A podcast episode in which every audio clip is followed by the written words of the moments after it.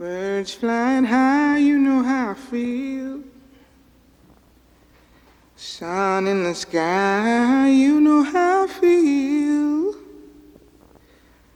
Breeze drifting on by, you know how I feel. It's a new dawn, it's a new day. It's a new life for me, yeah. It's a new dawn, it's a new day. It's a new life for me. Ooh, ooh, ooh, woo. And I'm feeling good.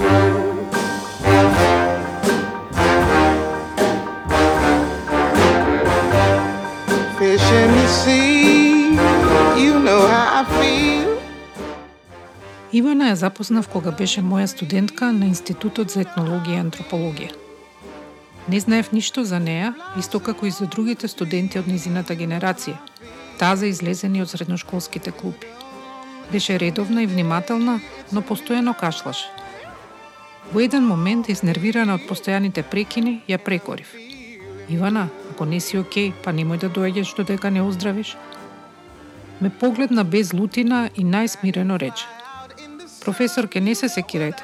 Мојата болест е поинаква. Кога дознав дека боледува од цистична фиброза и дека кашлањето е еден од симптомите, се засрамив. Во текот на студирањето имав прилика и да и се извинам, но и седејќи на клупите пред долната зграда на ПМФ, да дознам повеќе и за редката Ивана, и за незината редка болест.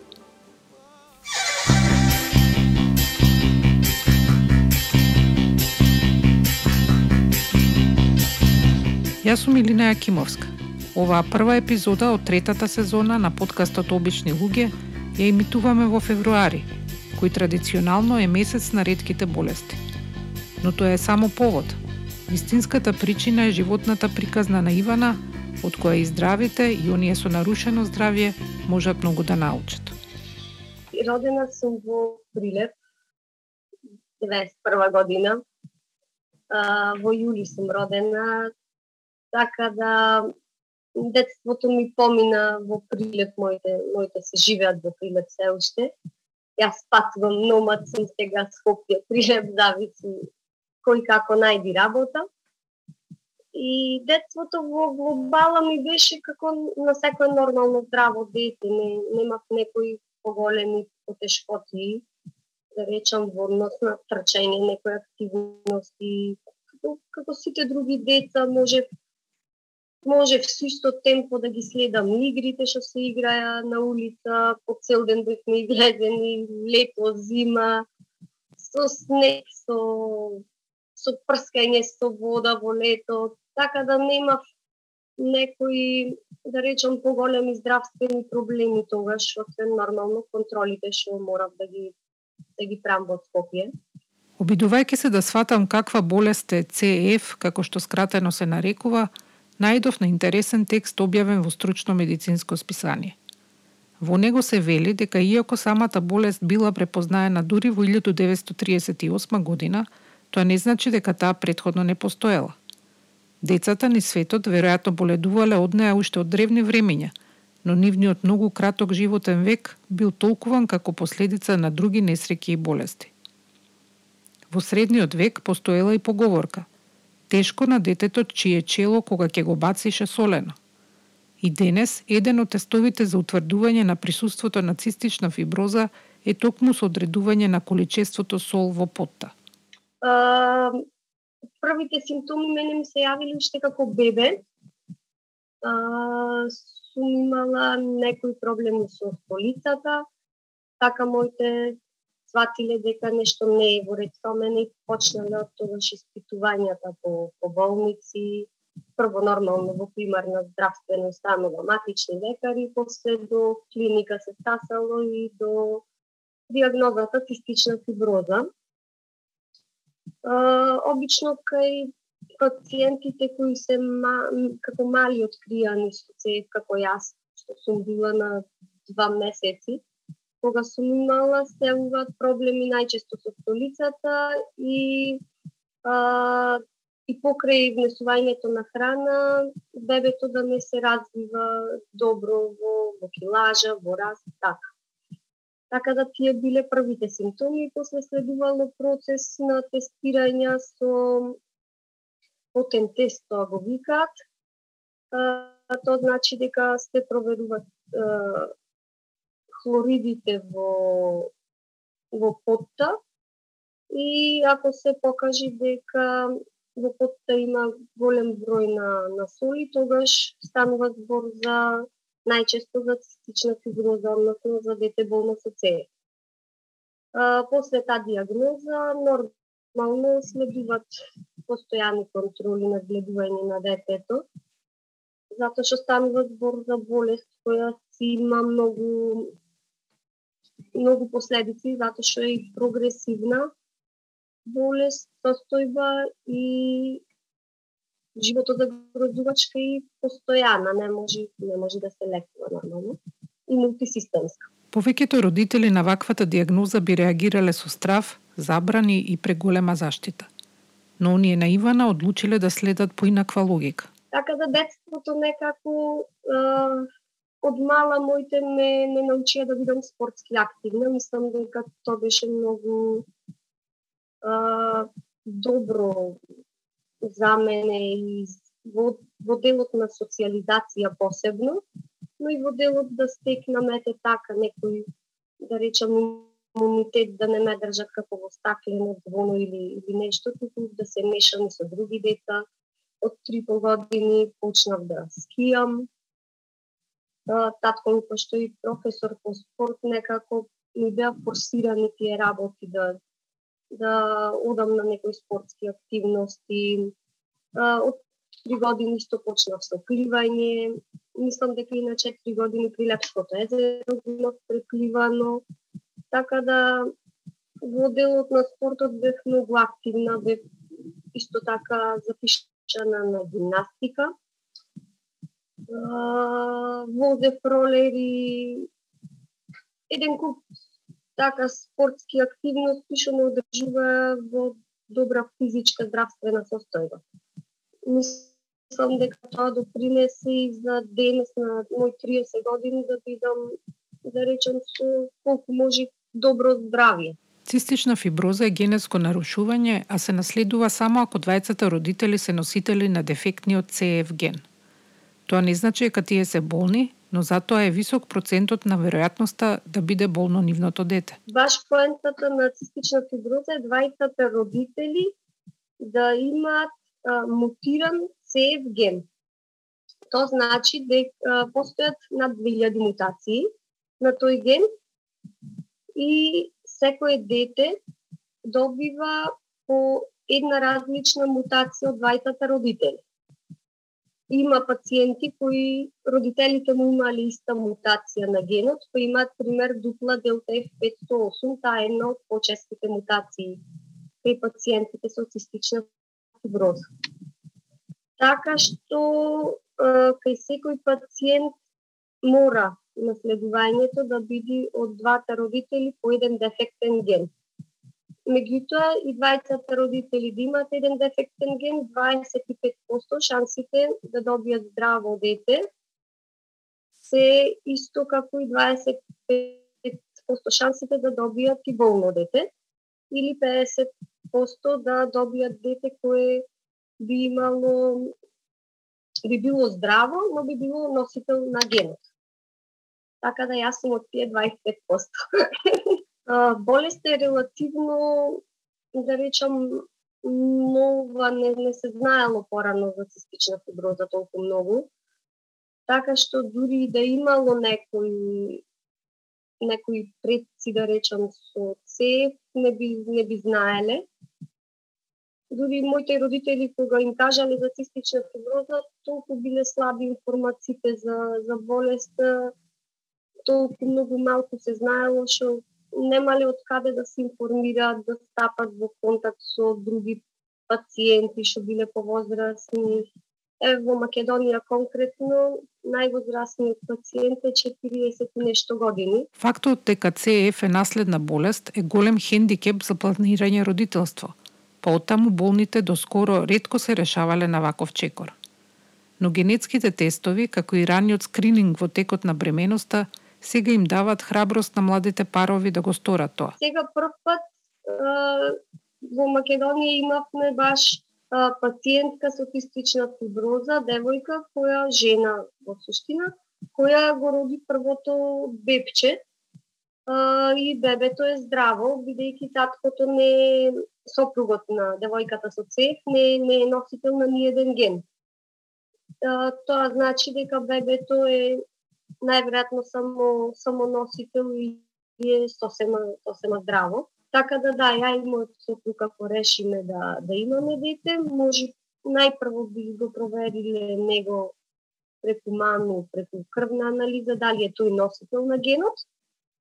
И потоа да, да видиме дали има шанси да имаме здраво воопшто дете или бидејќи тој ако е носител на генот, 50 75% би биле, колку што знам, шансите детето да е да е болно и 25% да е да е носител.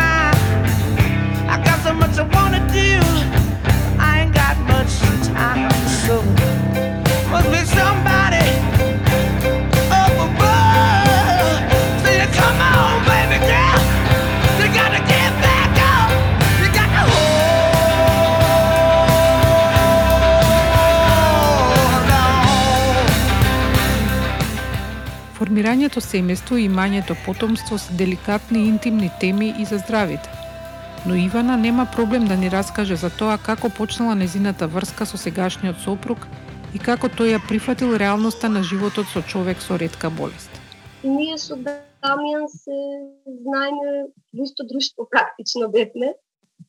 Така да пред да бидиме во врска од 8 години другари од исто друштво, после тоа почнавме врска 4 години, па еве сега во брак сме, мислам 3 години од 2018 4 годинава. 4 години брак, 4 години врска, 8 години другари. Така да во друштвото мој сите сите знаеа за дека имам цистична фиброза може никогаш не, не беше така конкретно зборувана, јас имам цистична фиброза, Ама, не знам како јавна тајна беше и плюс а, јас сум човек што се зафркава многу на моја сметка, онака си почитувам трн хумор, така да се смееме на некои такви работи кои имам лоши резултати, така им пишувам порака да тако сам дно живота и некои слични работи. така да сите сите беа информирани за мојата здравствена состојба, посебно па делот дека голем дел од другарите ми се и медицински образовани, медицински лица се и Дамјан, мојот супруг е стоматолог по, по професија, така да учени му се педиатријата, позната му беше и болеста.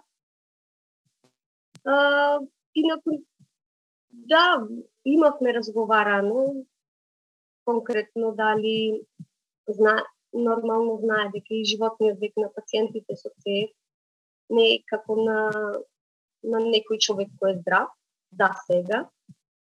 А, но бесме решени да, да се бидиме заедно, бидејќи ни е убаво и двајцата имаме слични сваќања за животот, дека бите не квалитетот, не квантитетот. А, крај краева, дури и кај здрав човек, ништо не е гаранција дека ќе живее долго, посебно сега времињава како што се стресни со пандемија, со се, ништо не е гаранција. Така да имаме слични сваќања за животот во тој дел и не, не немавме некој, некој потешкоти. Нормално, а, тешко е кога треба ето, да се одделиме јас да бидам на болница да две недели. А, Ако сум 30 години, се, секој одење на болница ми е многу стресно. Порано, пример, како мала во среда одевме на, на контроли, преку еден месец или секој месец, не можам да се сетам како. И тогаш ми беше страшно боцкањето, земањето крв, спутум, земање, такви работи. Сега ми се страшни резултатите како голема ама стравот си останува, само за различни работи се плашиме.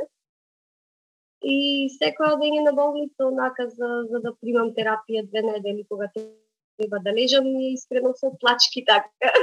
Многу сум емотивна и ние го чувствувам како време кое, кое го губам на некој начин. Не во смисло знам дека е тоа за мој здрав, за моје подобрување на здравјето и одржување на кондицијата, меѓутоа го чувствувам како време кое не можам да се го поминам со семејството, со друштвото и го чувствувам како да го губам тоа време некако дури сум на болница и од тој аспект ми е, ми е многу тресно. Ивана е председател на Сдруженијето за цистична фиброза и често истапува во медиумите, залагајки се за правата на сите со ретки болести. Во едно од незините неодамнешни интервјуа прави паралела на она ни што минуваат болните од ковид и секојдневниот живот на пациентите со ЦЕФ. Многу од луѓето сега сватија што значи да, да кашлаш цела недела, да не можеш да спиеш од кашлење, да, да имаш слаб апетит, да имаш болки во телото, во не знам, одредени симптоми ете така на, на болест. Кај нас посебно делот со кашлањето е постојан. Јас го знам за мене кашлам постојано. И е, сега некако сакав да да дадам до знаење дека е, тоа што гледавме да се изолираме едни од други за време на пандемијава кај пациентите со ЦЕФ е нешто што го знаеме од мали, дека не смееме ни со други да се дружиме заради да крос инфекции, а, мора да држиме дистанца, а, од, треба да одбегнуваме така јавни превози, а, гужви. Меѓутоа, да, јас како мала, искрено, ете, на моите родители може би не било многу побитен делот со социализација не ме скратиле од одње на тренинзи, од такви работи. На факултет гледав да да не бидам во студентски дом заради условите реално кои се лоши. Затоа живеев во стан, ама а, пак некој баланс да се направи меѓу тоа и јас да имам живот, а да бидам на некој начин и по заштитена во еден дел. Така да мислам дека дека добри одлуки донесли во тој дел за моја и заштита, но и да, да влезам во, во живењето во реалниот свет, да, да влезам во обштественото живење, да бидам дел од случувањата. Енергијата на Ивана е неверојатна дури и за здрав човек и за разлика од незината болест, заразна. Но раното сознание за тоа дека може да умре порано од незините врсници не било лесно. Некаде околу крај на основно или почеток на средно, една вечер си седев на компјутер, разбарував по интернет, не знам како ми текна во врска со мојата диагноза. И тогаш видов една статија каде што пишува дека животниот век на пациентите статистична фиброза е 20 на години. Тогаш јас бев 14 години, не знам, така. Од прилика и ми падна на вистина многу тешко. Го спорнав мајка ми и татко ми од пиење, мислам дека еден час од навечер беше 12, не знам како беше. Ги скорнав со плачење мајка ми и татко ми, да им кажам што прочитав. И тогаш на моите ме седна и демек ми кажа дека нормално животот на никој не е неизвесен. Може би сега 20 години е животниот век стандарден, ама по 10 години може би тој животен век ќе биде многу подолг. Медицината оди напред секој ден. И крај крајава тоа е само еден стандард земен од најмладиот и најстариот пациент кој како починуваат, да речам, не, не е дека стрикно на 20 години сите починуваат. И дека секој секој си има своја иднина. И тогаш татко ми баш ме, ме праша дали јас досега сум задоволна со мојот начин на живот и дали сакам да се сменам со не знам, со некој мој пријател или нешто. Дали стварно сум задоволна од начинот на кој си го живеам животот И тогаш сватив дека без размислување дека не сакам да се сменам со никој, никој друг, ниту од моите пријатели, ни, од некој што познам, дури за сметка на тоа да, да бидам здрава. И, и некако сите дома сме со, со иста премиса дека многу е побитен квалитетот на животот колку квантитетот. Нормално, убаво е секој да си доживее старост, да ги види сите сите промени во животот кои се случуваат. Меѓутоа, ете, баш може сум се родила во точно време кога медицината оди напред, па не знам, никогаш не може да се речи дека може нема да доживам старост, така да се надевам на најдоброто сценарио. Тоа најдобро сценарио не е неостварливо. Од пред 10 години во светот постои модуларна терапија за ЦФ, која во голема мерка го олеснува животот на пациентите, го продолжува нивниот животен век, а кај раното диагностицирање може и целосно да ги отстрани симптомите. За жал, та се уште не е достапна во Македонија. Модуларната терапија е нешто најблиску што е до генетска терапија. Во суштина таа го променува протеинот на генот кај нас кај пациентите со ЦИ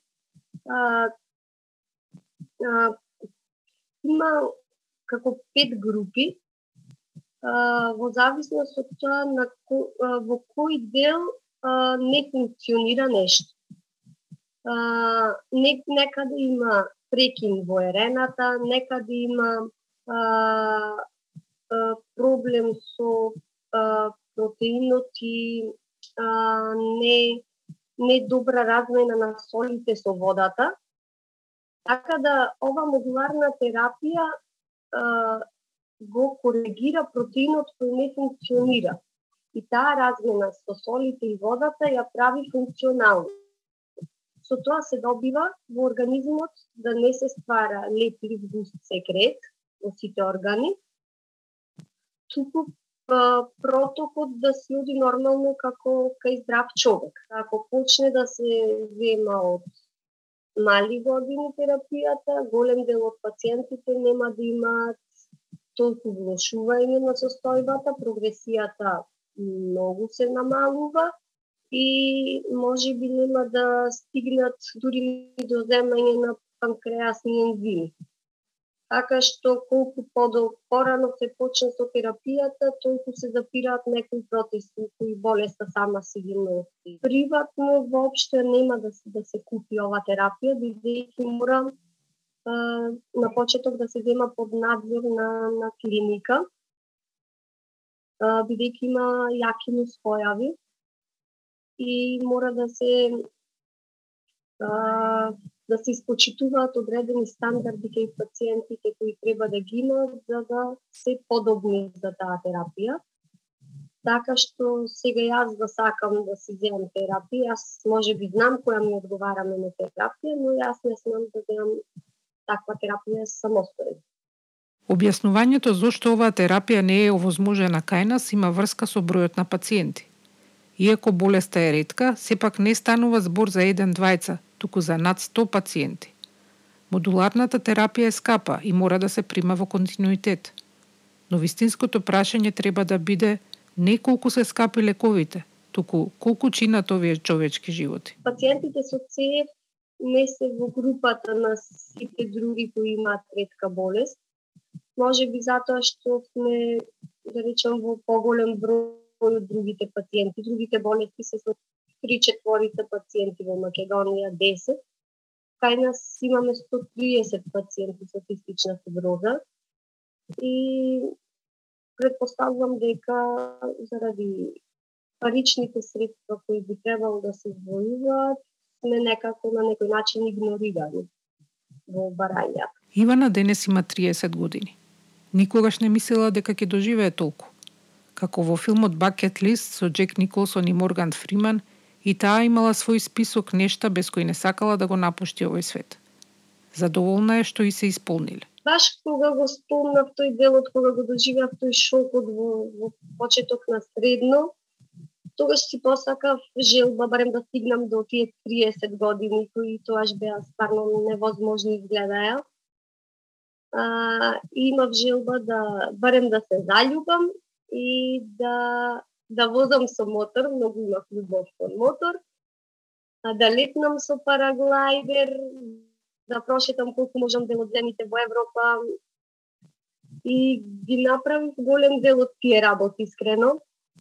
А, дури да пред пред пандемијата бевме и во Франција на скијање на Алпите, се качих на 3330 метри надморска висина и тоа што ми го виде очите на вистина ја, ја полни душата, да речам, и дава смисла на живењето.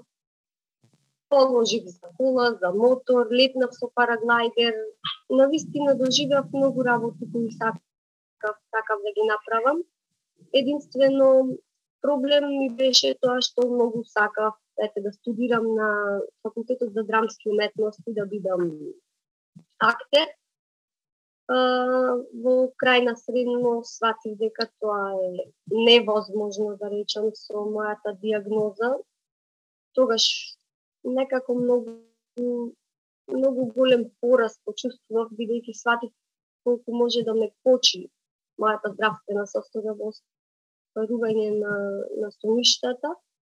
Ама работите некако гледав да ги да ги направам да пак да одат во моја полза и да да го извадам максимумот од секоја ситуација. А, така што крај на средно ми се случи едно многу убаво искуство. Бидејќи имам многу голема љубов кон театарот, одев на, на проби во Филепски театар и да ги гледам глумците како ја спремат представата нормално во ми беше тоа дозволено, прашав дали смеам да присуствувам, ми беше дозволено од режисерот и по неколку денови од пробите, на читачки проби беа на почеток, една од глумиците доби некои здравствени проблеми, мораше да отсутствува и режисерот дојде до идеја дали ти би сакала да играш лисицата во Малиот принц. и некако така си се наредија работите, јас со професионалниот ансамбл на Прилепски театар играв во Малиот принц, бев. И можам да кажам дека, ете, може би не се запишав на драмски, ама тој сон да да глумам во театар ми се оствари. Гледав во споменарите пред некој време кои ги имав, многу сум сакала да појдам во Дизниленд, некоја животна неостварена желба ми било да појдам во Дизниленд. И моите родители на два пати ме носеа во Франција по болници, така да и тоа го видов. Успеавме покрај болниците да појдем во Дизниленд. Така да од некоја страна сите желби си најдуваат некој чоше каде што ќе се протнат и и да се остварат на некој начин, без разлика дали сум била за поболници, па се оствариле со ништата. и од моите сум научила дека, ете и кога сум оделе на контроли на Скопје, колку и стресно да ми било тоа, гледале да ме однесат и до Золошка после контрола, или на Златно Славејче, така да да се извади некој максимум од сето тоа, да не бидат спомените поврзани само со, со болница и со креветите таму. Ивана нема проблем да зборува за својата состојба, затоа што како што вели, тоа е најдобриот начин на болеста да и се даде човечки лик. Но не се сите болни од редки болести подготвени јавно да истапат. Дури и обратно, некои од нив се кријат дури и од своите најблиски. Меѓутоа голем дел од пациентите ја кријат состојбата, не само а, не само од, од нас, од другите пациенти, туку си ја кријат и во фамилиите, не не споделуваат. А, искрено многу многу ми се чудни тие мене работи како човек кој растел во заедница која не криела ништо во однос на состојбата, ниту со пријателите, ниту со роднини кои сум ги имала. Сите знаат за мојата здравствена состојба баш мислам дека напротив тоа е нешто што кај пациентот може да му даде една сигурност да, да оди понатаму и да да, да се вложи во животот баш онака да направи максимум од тоа што го има. И не, не знам како можам да помогнам на таквите пациенти за да увидат дека ако не се крие состојбата, можат на вистина да имаат убав и исполнет живот. Искрено како човек, мислам дека тоа мене ни е суштината на, на постоењето. Мислам дека треба да, да само не знам што точно да направам за да им дадам до знаење дека животот може да биде убав и да бидеш прифатен дури и да си со одредена здравствена состојба. Во еден дел ја разбирам, ја разбирам а, таа потреба од кријањето заради начинот на кој се стигматизираат одредени групи на, на граѓани. еве, не знам, би тргнал одличен пример, еве, јас завршив пред 4 години на факултет за етнологија, антропологија и од тогаш не можам да најдам работа. Океј, во приватен сектор е стварно потешко заради мојата здравствена состојба, затоа што тоа се коси со, а, да речам, со а, бизнис идеологијата со помали загуби, поголеми профити. А, меѓутоа, државата не ни подава рака да, да застанеме на свој нозе, не држи да видиме во одредена економска зависност од родителите, од сопружниците, И мислам дека може би тоа е едниот аспект заради кој голем дел од пациентите кријат за здравствената состојба. од друга страна имам слушнато дека пациенти кријат и од сопружниците, од пријателите за својата здравствена состојба.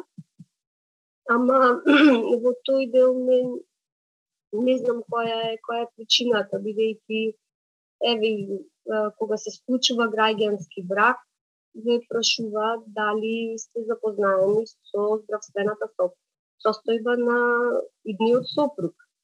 Така да, најверојатно тоа е може казниво со закон ако не си запознан со здравствената состојба. И ми изгледа многу логично секој при а, да речам со здрава одлука, со добро обмислена одлука да стапи во, во брак со знаење на здравствената состојба на пациентот.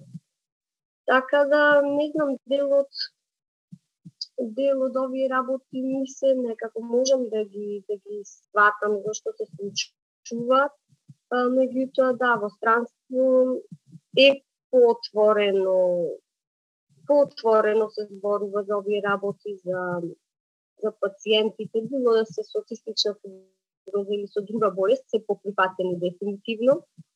А, мислам дека и самото тоа што добиваат посовремена терапија нормално им дава некој ветер во крб да речам, бидејќи стануваат поздрави, поработоспособни. Кај голем дел од пациентите сега, посебно кај девојките, многу во стран постана трудни после новата модуларна терапија. А, така да се опуштаат во однос на создавање на на семејство и во тој дел да, модуларната терапија би помогнала, меѓутоа мора и сами да се помогнеме и да се прифатиме за да може да бидеме прифатени од другите.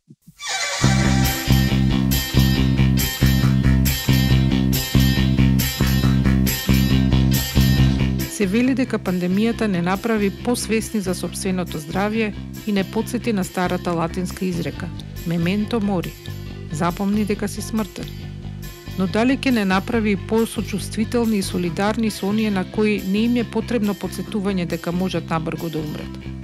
Дали наместо да губиме време, ќе се фатиме да ги остваруваме желбите на нашиот список? Запомнете, најважно е да се заљубите, а потоа заедно со саканиот да ги скачите Алпите.